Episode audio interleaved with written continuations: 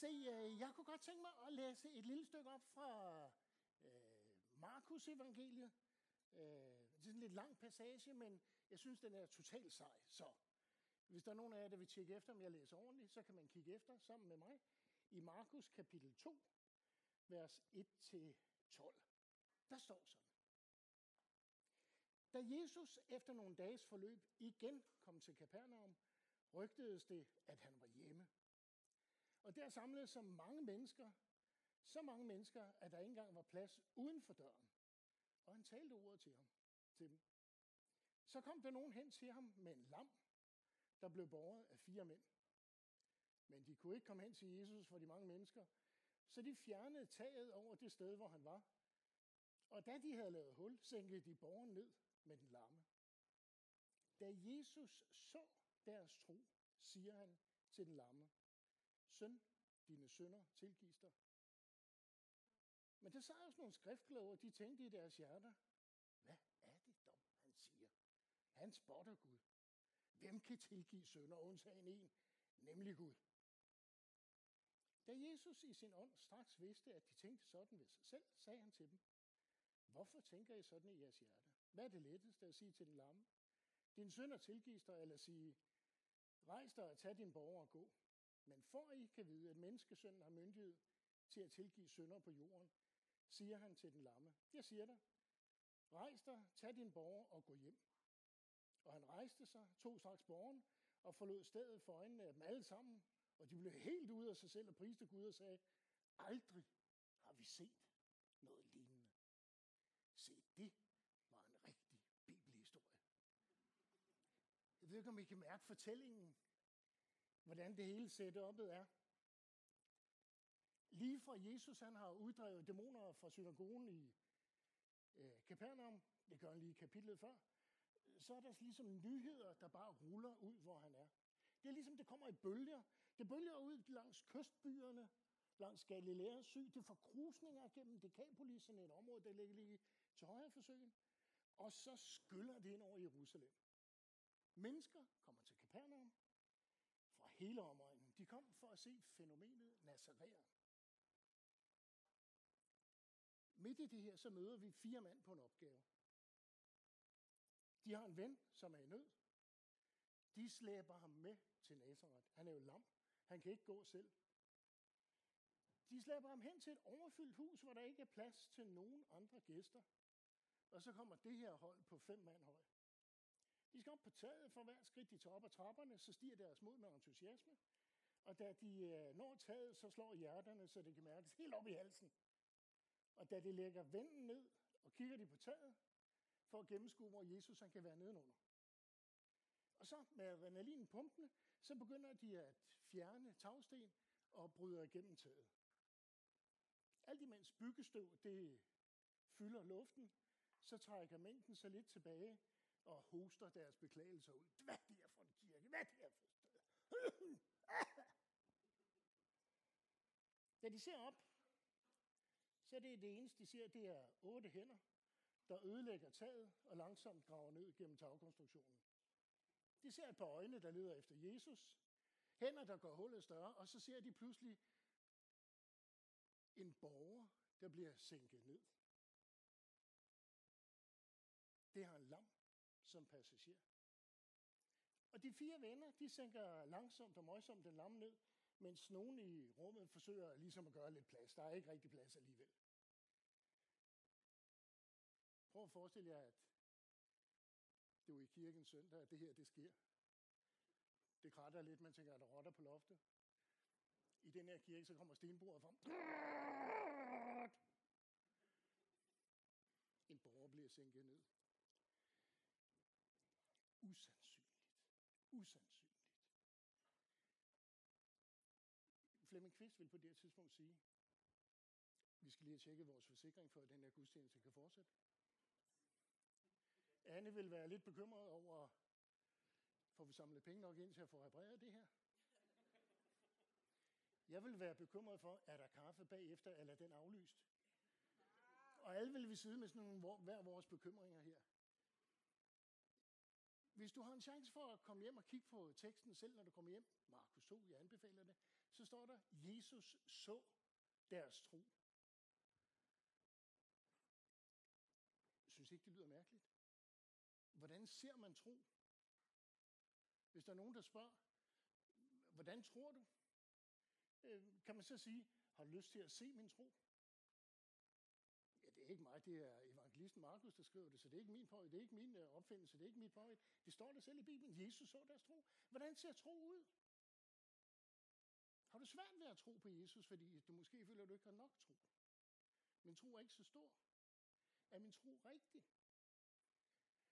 Tror jeg på den rigtige måde? Hvordan ser de her drenges tro ud? Jesus så deres tro. Måske bare den, der greb ud og hjalp din ven i nød. Troen var måske bare det, at du gjorde noget for nogle andre. Troen var måske ikke det store tankevirksomhed, men at du lod dit hjerte tage over og begyndte at handle. Jesus så deres tro. Jesus så deres tro. Det er på vingerne af deres tro, at den himmelske nåde, den rammer ned. Der står ikke noget om, at øh, Jesus hører noget, men der står, at han så deres tro. Fællesskabet, det kirkens fællesskab, det er en gave fra Gud. Vi bliver livsglade. Og så sniger der sig det her ind i det kristne fællesskab, at, at jeg skal gøre noget stort for Gud. Det ved jeg Er nogensinde nogen af jer, der har prøvet at tænke det? Okay. Vi er tre, der har prøvet det. Måske skulle du finde en anden kirke. Nej, det passer ikke.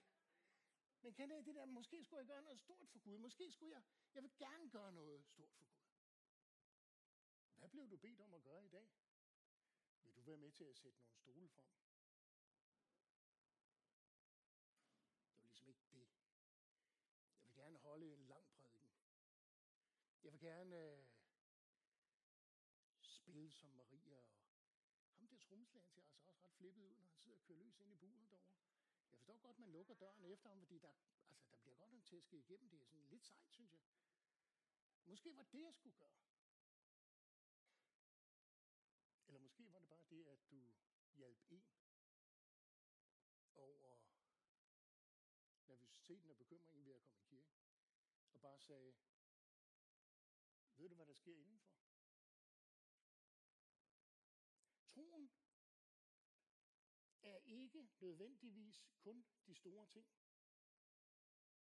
Og måske forhindrer vi Gud i at give os de store gaver, fordi vi ikke er taknemmelige for det små, det daglige. Vi tror, at vi ikke skal være taknemmelige for den lille del af åndelig erkendelse og kærlighed og tro og vidshed, vi har. Vi venter på de store ting. Men hvis det er, at vi ikke kan være tro i de små, så tror jeg heller ikke, vi får lov til at være i de store. Det daglige kristne fællesskab med den lille tro, det er lige mig. Det kristne fællesskab er Guds gave. Søsterne og brødrene, der er mig. Vi er en gave til hinanden. Prøv lige at kigge på din nabo. Sig lige hej nabo.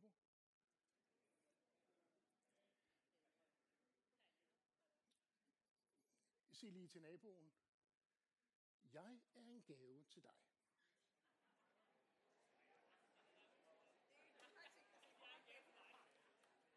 Jeg er en gave til dig.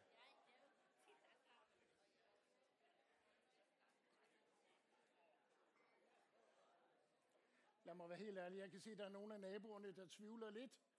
Og for ligesom at få genoprettet balancen, så sig lige til naboen, du er en gave til mig. Du er en gave til mig.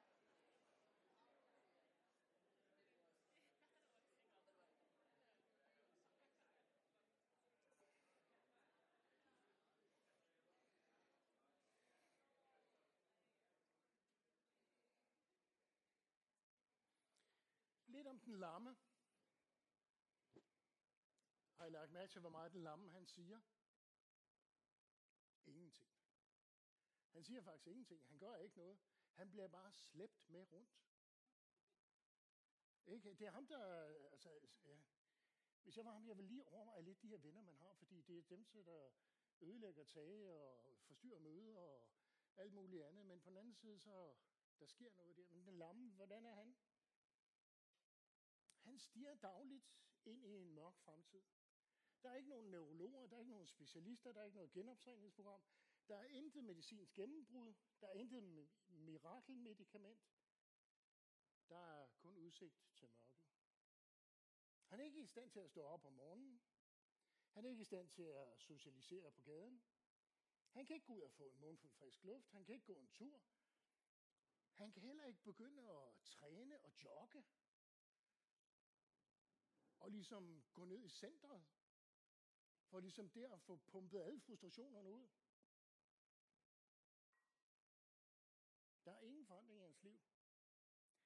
hvis ikke han ulejliger nogen andre.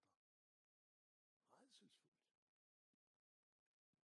Han har brug for fællesskab til alt. Når han skal have en tår vand, så bliver han nødt til at råbe til Flemming Kvist. Når han skal have noget at spise, når han har brug for et toiletbesøg, han har brug for, at der er nogen, der mader ham, nogen, der vender ham, nogen, der bader ham. Afhængighed, ydmygelse, kedsomhed, ensomhed, skam, fortvivlelse er bare nogle af de ord, som der fylder tankerne på en sovemåtte, som der fylder to gange en meter.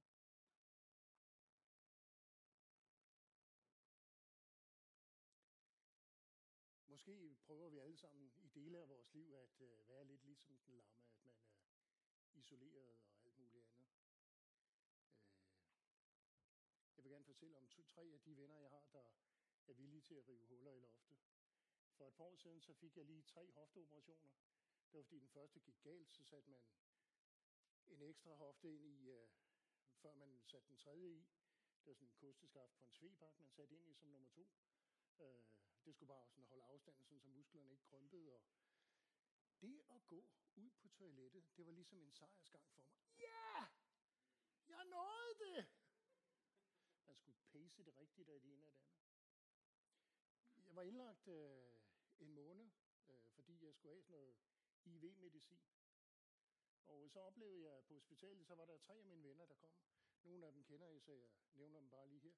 Øh, den ene, han hedder Flemming Mølhed. Øh, han er min gode ven. Han er præst i Københavns Vineyard. Han kom ind, og så sad han nogle eftermiddage sammen med mig. Rev taget væk. Talte med mig. Opmuntrede mig. Vendte mig. Badede mig. Hentede en kop kaffe til mig. Anden det er Morten Munk. Kender I også. Vi sidder i en lille bønnestrive, det har vi gjort de sidste 25 år. Vi er bare blevet gode legekammerater, selvom vi er blevet halvvoksne. Og den tredje, det jeg lige vil nævne, det er en af mine andre gode venner. Han hedder Claus Ågaard. Han er oppe i Græsted Frikirke, har været det i lang tid. Øh, pludselig, midt i ensomheden, så er der en, der kommer og løfter mig op. Jeg kommer ind i et fællesskab. Jeg behøver ikke at spørge, øh, Kunne jeg få dig til at hente en kop kaffe til mig. Flemming han ville komme med en kop kaffe hver tredje minut. Det var sådan på et tidspunkt, så sagde jeg, at nu bliver du nødt til at hjælpe mig på toilettet, fordi øh, din hjælpsomhed, den har altså givet nogle problemer. Ikke noget problem, sagde Flemming. Øh, så vi rullede afsted af det ene og det andet. Hvordan ser troen ud? Er det fordi, du har flyttet bjerge? Er det fordi, du har skrevet et nyt hit i lovsang? Er det fordi, du har holdt den længste prædiken i verden? Eller hvorfor er det entalt? Måske er det bare fordi. Måske er troen bare det, at du giver en kop kaffe, sidder ved en sygeseng, er opmærksom lytter. Stor tro lytter gerne. Stor tro gør gerne småtingene. Stor tro er villig til at bevæge sig for dem, som ikke selv kan bevæge sig. Fællesskabet, venskabet, der retter sig mod den lamme. Fællesskabet med Jesus i centrum. I alt, hvad den siger og gør. Kærligheden overlader den anden til Kristus. Den glæder sig ikke over sådan en øh, uh, from overophedet begejstring, men den møder medmenneske fuldstændig klart og tydeligt. Kristen fællesskab lever i klarheden, i tjenesten, ordnet af sandheden. Så det er fællesskabet, der bryder den lammes isolation og adskillelse. Det er fællesskabet, der ikke bare er en drøm eller en varm fornemmelse, en hensigtserklæring eller er en handling, der bringer den lamme til Jesus. Det er et helbred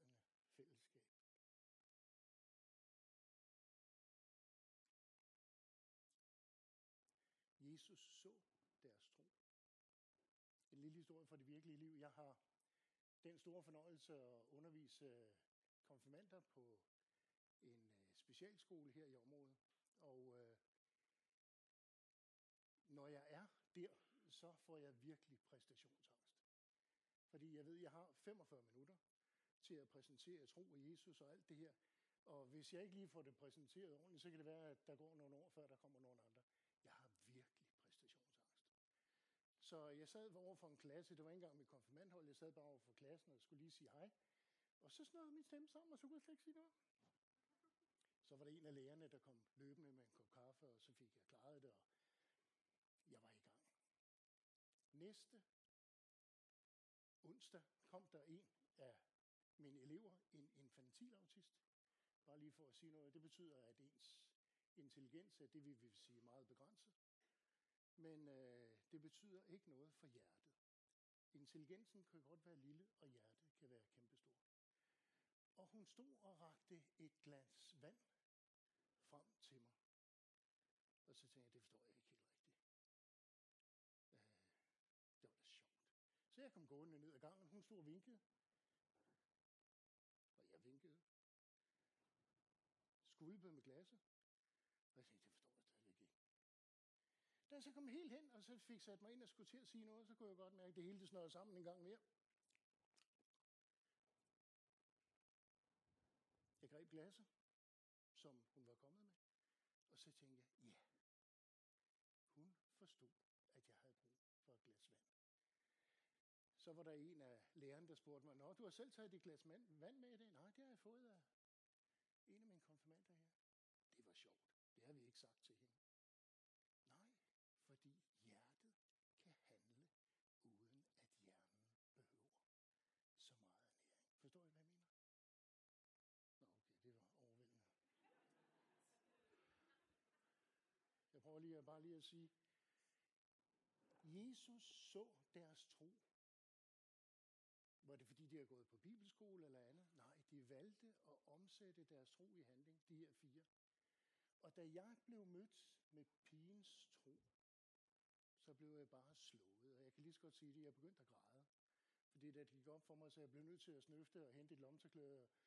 Øh, eleverne spurgte, om der var noget galt. Nej, jeg er bare lidt forkølet her til morgen. Ah, fordi det rørte mig dybt. Jeg blev berørt af en, der ikke bare sagde, jeg har en stor tro. Jeg tror på Jesus. Men en, der handlede på den mest enkle og simple måde. Det blev jeg berørt af. Hvem er vi? Af de her mennesker. Så hvis man skulle spørge, nu har du læst den historie, der er lamme fra Capernaum. Hvem er du? Er du den lamme? Er du ham, der ligger ned? Er du ham, der har brug for at blive borget? Eller hende, der har brug for at blive borget? Er du hende, hvor tingene ikke rigtig fungerer for det ene og det andet? Så er der gode nyheder. Der er folk, der gerne vil bære dig. Eller er du en af de fire, der tænker, jeg ved da, hvad der skal gøres her. Jeg elsker at rive tage i stykker. Og hvis vi er hurtige nok, så kan vi nå at slippe afsted, uden der er nogen, der helt opdager os. Vi er jo oppe på første sal, de andre er nedenunder. Er du en af dem, der er sådan lidt, øh, bare lidt ude på kanten og kigger lidt ind, og så siger jeg, jeg tænkte nok, det sker hver gang i den her kirke. Der røg taget. Nu kommer der en eller anden idiot hen ned her. Bare der dog var nogle ordentlige prædikener og det ene og det andet. Altså, men, ja, jeg ved ikke rigtig, hvad jeg skal sige til det.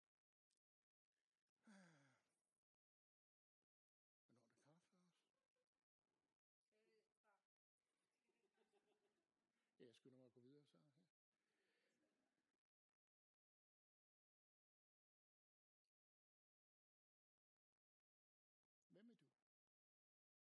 Hvem er du? Og kunne du tænke dig, at tingene var anderledes? Kunne du tænke dig, at du havde lidt mere lyst til bare at gøre nogle af de her helt enkle ting, så troen bliver synlig? Ikke for hele verden omkring dig, men for dit eget hjerte. Den her pige, jeg fortæller jer om fra mit konfirmandhold, når jeg nævner, at hun var infantilautist, så er det bare for at sige, at det var ikke præmediteret, det var ikke planlagt. Hun forsøgte ikke at charmere sig ind. Hendes hjerte bulrede bare for at hjælpe. Hvor kunne jeg godt tænke mig at være del af en kirke, hvor hjertet bare buller for at hjælpe. Men noget specielt, sådan så jeg bliver set. Nej, der var ikke rigtig nogen, der forstod, hvad det her det var. Anderledes. Og jeg blev dybt, dybt rørt af det. Hvem er du? Eller er du en af dem, der bare er irriteret? Altså ikke sådan voldsomt meget, bare lidt. Og så sådan nogle prædikner her. Altså, ja, ja, det er okay. Men skal jeg nu til at gøre noget igen? Skal jeg nu til at øh, tage fat i noget? Nej, du skal bare tillade, at dit hjerte det bliver lidt større. Du skal tillade, at dit hjerte det får lidt mere medbestemmelse i det, dit hoved siger til dig. Du skal tillade, at hjertet det får lov til at vokse. Jesus han ser fire svedige mænd, der er villige til at give troen hænder og fødder. Sårede hænder, der er, villige, der er villige til at grave gennem enhver forhindring. Det her fællesskab, det er et fællesskab, der gør det, ingen andre vågede, og som etikette forbød. De ødelagde en andens ejendom, afbrød en vigtig tale, og var til ulejlighed for alle de andre, der var til stede. Så nogle venner længes jeg efter at have. og det kan jeg godt se, det gør du også.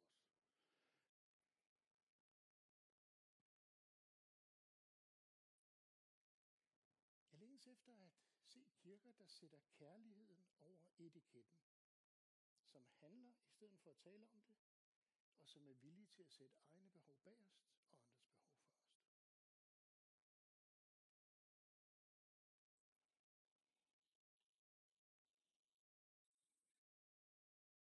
Hullet i loftet lærer os én ting.